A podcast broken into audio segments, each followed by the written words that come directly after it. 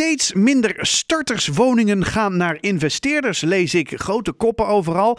Ehm, ja, hoe komt dat eigenlijk? En, en ja, de, de, de stabilisatie of nou ja, het, een beetje normaliseren van de woningmarkt. We gaan erover bellen met uh, Steven Lagerwijs van Hoekstra van Eck, makelaars. Uh, Steven, goedenavond, goedemiddag. Wat is het ook eigenlijk? Goedemiddag, denk ik. Ja, hoi, goedemiddag. Hey, um, jij bent makelaar, dus je bent dagelijks bezig met de verkoop van woningen. M merk jij nou dat er iets aan de hand is in de markt? Ja, ja je merkt dat we eigenlijk vanuit een hele ja, gekke overspannen tijd komen. Waarin uh, het heel moeilijk was om überhaupt een uh, woning te kunnen bezichtigen, om ertussen te komen. En we, uh, waarin de prijzen met 10, soms tot 20 procent per jaar zijn gestegen. merk je dat eigenlijk het afgelopen half jaar dat aan het kantelen is. Dus dat we naar een wat meer normale woningmarkt toe gaan. Dus dat is wel een hele grote verandering met wat we de afgelopen jaren gewend zijn. Ja, ja, want uh, de afgelopen jaren was het, uh, de, nou ja, dan, dan, moest je, las ik zelfs, uh, gemiddeld zo'n 175, nee weet ik veel, ik, heel veel percentage overbieden. Ja, klopt. Ja, de, de, ja zo'n bijna 90% van de woningen in, in Nederland en ook in Haarlem dus, die werden overboden. En dat, uh, ja, dat verschilt uh, een bod van 1000 euro boven de vraagprijs tot soms een paar ton. Mm. Echt extreme situaties. En ja, dat wordt, dat wordt minder. Dus er zijn minder minder kijkers bij woningen, er wordt minder overboden. Uh, er worden ook wat minder woningen verkocht. Dus dat betekent dat het aanbod ook weer wat, wat toeneemt en het ook weer wat makkelijker is voor starters om woningen te kopen. Nou, en uh, het, het aanbod voor starters zeg maar, om woningen te kopen, een mooi bruggetje, dat wordt dus sowieso ja. wat makkelijker. Want uh, voorheen zaten er ook altijd nog ja, die, die investeerders, zeg ik dan maar even, die beleggers, weet je, die mensen die dan heel veel huizen gaan kopen om het weer vervolgens te verhuren, dat soort dingen. Um, dat mag allemaal niet meer. Klopt, ja. ja. Doordat de markt zo uh, krap is geworden de afgelopen jaren, heeft de overheid eigenlijk gekeken van nou, wat, wat kunnen we daaraan doen om dat te voorkomen, zodat, we, uh, zodat ook starters wat kansen krijgen. Ja. Um, en ja, vaak wordt er dan naar de beleggers gekeken, ja. omdat dat een bepaalde doelgroep is die dan uh, ja, natuurlijk iets goedkopere woning koopt, om die dan vervolgens weer te verhuren. Mm -hmm. um, dat, ja, dat, daar wordt naar mijn idee altijd wat te veel naar gekeken, want het grote probleem in Nederland is dat er te weinig woningen worden gebouwd. Mm. Uh, door uh, ja, ook te veel regelgeving vanuit de overheid. Uh, maar goed, ook, ook een van de oplossingen is dat ze hebben gekeken hoe ze investeerders, die beleggers, hoe ze die wat meer kunnen weren van de woningmarkt. En ja, dat, was, dat is nu in het nieuws. Dat is redelijk gelukt. Ja, want je zegt dat is redelijk gelukt. Um, hoe zie je dat in Haarlem bijvoorbeeld? Waren er altijd zoveel beleggers en investeerders, dat soort types? Ja, ja, weet je, als je kijkt naar de afgelopen jaren werd er zo'n 10% van alle woningen uh, verkocht aan een belegger. Mm -hmm. En uh, dat is wel een hele brede doelgroep hoor. Dat zijn inderdaad, zoals jij net zei, uh, investeerders die tientallen of soms honderden woningen hebben. Mm -hmm. Het overgrote gedeelte is een belegger die, die één of enkele woningen heeft. Uh, maar ook bijvoorbeeld een woningcorporatie zoals een IJmeren of Prewonen, die vallen ook onder, uh, onder die doel. Oh, oké, okay. ja. Yeah. Um, maar ja, in 2009 was het nog 11% van alle woningen die verkocht werden in Haarlem, die dan aan zo'n belegger werden verkocht. En uh, tot nu toe dit jaar is dat maar 3,7%.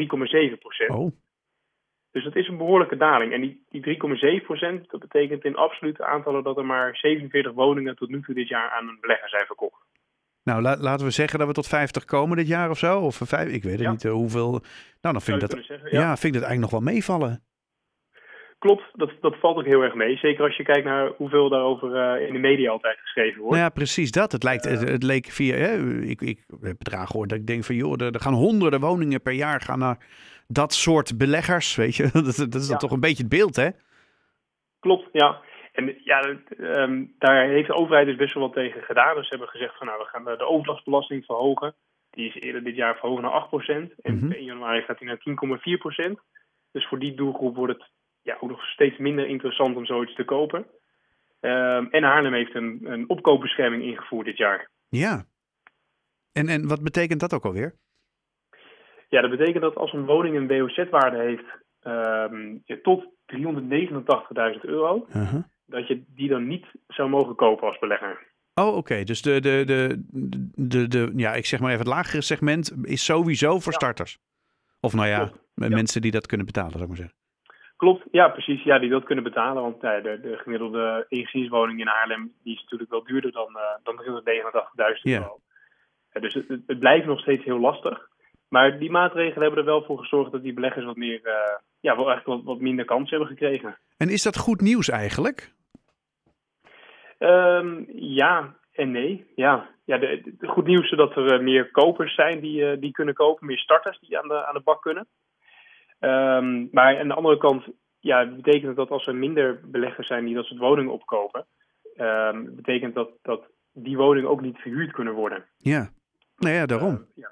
Want hoe, ja, hoe, komt een, hoe komt een IJmeren zeg maar nu aan zijn woningen? Ja, die, die bouwen zelf ook nog wel eens ah, woningen. Dat, dat gaat ook nog wel aardig door. En dat zijn dan vaker woningen in het lagere segment. Maar die middenhuur, ja, dat, er zijn wel verwachtingen en voorspellingen dat dat wat meer onder druk kan komen te staan de komende hmm. jaren. Uh, dus, nou ja, ooit zei iemand elk uh, voordeel heeft zijn nadeel of andersom. dat uh, zou hier ook kunnen gelden. Oké, okay, nou ja, goed, dan houden we het maar in de gaten. Um, ja. Betekent het nou ook dat jij heel veel starters rondleidt steeds? Ja, dat doe ik niet zelf, maar dat doen, dat doen nou ja, mijn collega's jullie, voornamelijk.